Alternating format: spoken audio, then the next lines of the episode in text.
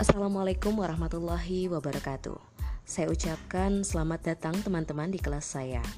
Perkenalkan, eh, nama saya Andi Dian Fitriana, SIKOM, MIKOM. Saya adalah dosen pengampuh mata kuliah yang teman-teman programkan semester ini, yaitu semester ganjil tahun akademik 2020-2021. Bagi yang belum mengenal saya dan kali pertama mengikuti kelas saya, saya ucapkan selamat datang dan salam kenal untuk kalian semua. Semoga bisa enjoy mengikuti kelas saya selama satu semester ke depan. Dan bagi yang sudah pernah mengikuti kelas saya sebelumnya, saya ucapkan selamat datang kembali di kelas saya ini. Saya yakin teman-teman sudah punya gambaran mengenai bagaimana aturan yang diterapkan di kelas saya khususnya terkait sistem dan aturan perkuliahan kita selama ini.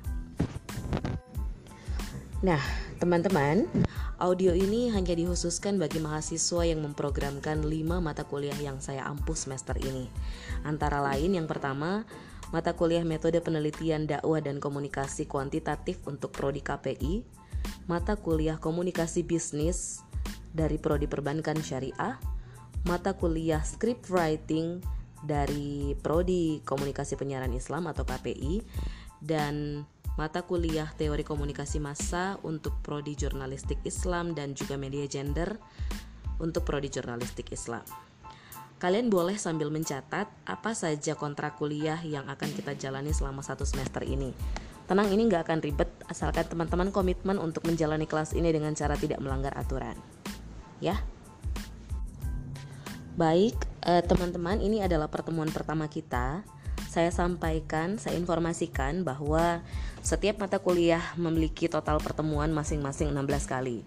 Rinciannya terdiri dari 14 kali pertemuan membahas materi dan penugasan, satu kali pertemuan untuk mid test atau UTS, dan satu pertemuan untuk UAS atau final test karena kita masih dalam masa pandemi Covid, teman-teman, di mana aktivitas kita masih dominan dilakukan di rumah, mata kuliah atau kelas kita akan terselenggara secara daring atau online dengan menggunakan bantuan internet sebagai penunjang kegiatan belajar.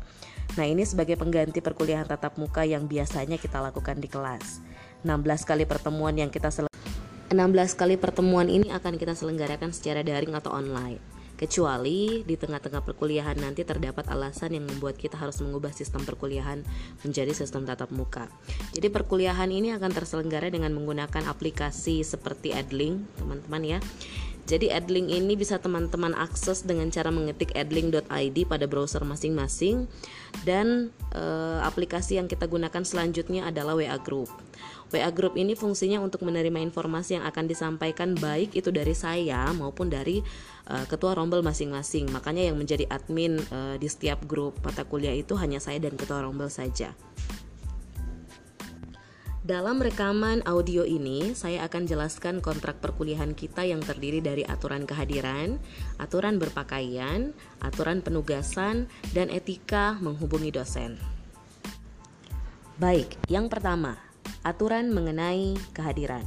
Sesuai dengan aturan kampus kita, kehadiran pada setiap perkuliahan ini minimal berjumlah 75%. Ini minimal ya, yaitu kehadiran minimal 12 kali dari total 16 kali pertemuan. Artinya, teman-teman dapat dispensasi ketidakhadiran sebesar 4 kali. Tapi kalau bisa hadir 100% ya alhamdulillah ya. Jika lebih dari itu, artinya mohon maaf teman-teman tidak bisa ikut final Eh, dan nilainya tidak bisa saya input ke Sisvo dan saya konsisten dengan aturan seperti ini. Ya, setiap pertemuan ini dilengkapi dengan absensi, teman-teman. Dan mahasiswa yang dinyatakan hadir adalah mereka yang ikut mengisi absen dan berada di dalam kelas selama jam perkuliahan berlangsung.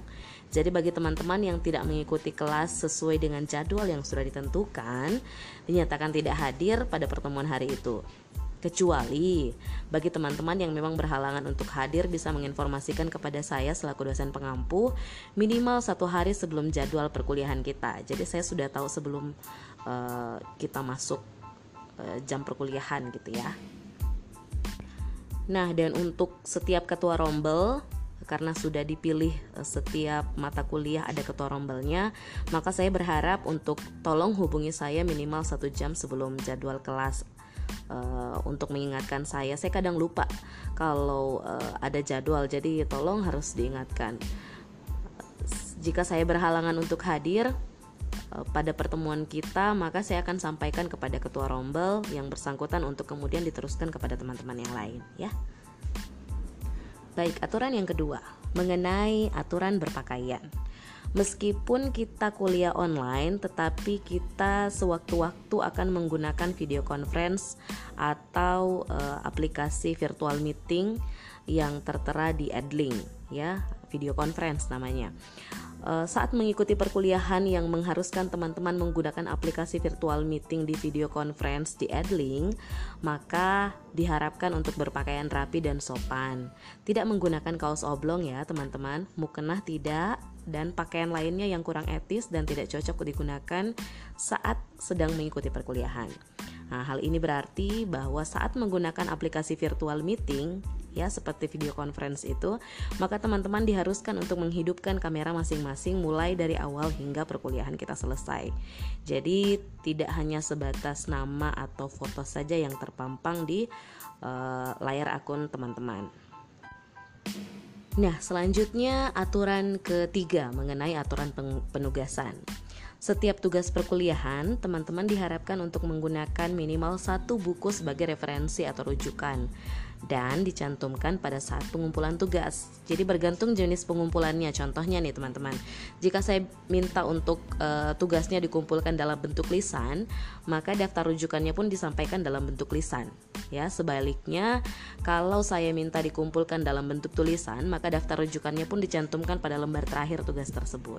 Ya, jelas ya. Nah, aturan selanjutnya ini masih penugasan, tapi ini adalah yang paling penting, tolong banget jangan dilanggar, yaitu ketika tugas saya berikan dan dikerjakan, kemudian eh, saya menentukan waktu untuk dikumpulkan, tolong jangan ada yang terlambat mengumpulkan. Jika hal itu terjadi, eh, tentu ada konsekuensinya, ya. Jadi konsekuensinya adalah teman-teman eh, tugasnya itu tidak akan saya terima. Saya mohon maaf karena itu sudah aturan. Jadi tolong banget diperhatikan kecuali bagi teman-teman yang sebelumnya sudah memberitahu ke saya mengenai alasan keterlambatan dan saya menyetujui alasan teman-teman. Kan biasanya ada alasan uh, susah mendapatkan jaringan uh, atau ada alasan lain yang mungkin saya bisa dispensasi alasannya teman teman-teman boleh sampaikan. Itu boleh untuk terlambat mengumpulkan tugas tapi tetap harus mengumpulkan tugas ya. Nah ini aturan terakhir mengenai aturan menghubungi dosen. Sebelum menghubungi dosen, teman-teman sebaiknya memperhatikan waktu. Tolong sebaiknya tidak menghubungi dosen di bawah jam 6 pagi atau di atas jam 9 malam. Eh, dan sebenarnya tidak harus rombel yang menghubungi saya, mahasiswa lain juga boleh menghubungi saya jika ada keperluan lain atau jika ada materi yang kurang jelas terkait perkuliahan kita. Ketika teman-teman menghubungi dosen pengampu mata kuliah, sebaiknya perhatikan etika yang sudah ditetapkan yaitu yang pertama mengucapkan salam dulu. Terus kedua, tolong sebutkan namanya dan mahasiswa dari kelas apa karena dosen itu punya banyak mahasiswa yang kita tidak tahu ini dari mahasiswa mana, prodi apa, e, mata kuliah apa. Terus tiba-tiba ada pertanyaannya ya. Jadi sampaikan dulu, sebutkan dulu namanya, mahasiswa dari kelas mana dan kemudian baru sampaikan maksud dan tujuan teman-teman menghubungi dosen yang bersangkutan. Tentu dengan menggunakan bahasa yang sopan. Gampang kan ya? Jadi jangan salah atau pura-pura lupa ya. Please. Baik, aturan selanjutnya teman-teman adalah tidak diperkenankan mengunjungi dosen di rumahnya jika tidak mengatur waktu atau mengadakan janji sebelumnya apalagi sekarang masa corona nih. Pasti kita semua masih waswad masih uh, was-was masih waspada dengan orang lain ketika datang berkunjung ke rumah. Nah sebelum corona pun ini sebenarnya pengalaman ya. Karena biasanya ada mahasiswa yang udah pagi-pagi but masih pagi-pagi buta itu sudah sudah ada di depan pagar dosen. Bahkan sudah tengah malam su, uh, sudah tengah malam dan masih mengutuk pagar dosennya dengan alasan mau minta tanda tangan, konsultasi, macam-macam alasannya. Jadi tolong jangan seperti itu ya. Tolong pengertiannya. Nah, cukup sekian kontrak kuliah dari saya. Tolong setelah ditulis, dibaca, pahami, diresapi dan tolong dipatuhi aturannya. Rekaman audio ini akan berlanjut teman-teman dan akan saya bedakan berdasarkan mata kuliah masing-masing. Jadi teman-teman bisa membuka file audio selanjutnya Rekaman audio selanjutnya akan berisi silabus atau topik-topik yang akan kita bahas mulai dari pertemuan 1 hingga pertemuan 16 setiap mata kuliah. Oke teman-teman, sampai ketemu di pertemuan kedua. Nanti akan saya hubungi rombel masing-masing atau akan saya sampaikan di grup WA untuk memberikan informasi. Sekali lagi saya ucapkan selamat datang dan selamat bergabung di kelas saya. Terima kasih sudah uh, semoga hari kalian menyenangkan ya. Bye. Assalamualaikum warahmatullahi wabarakatuh.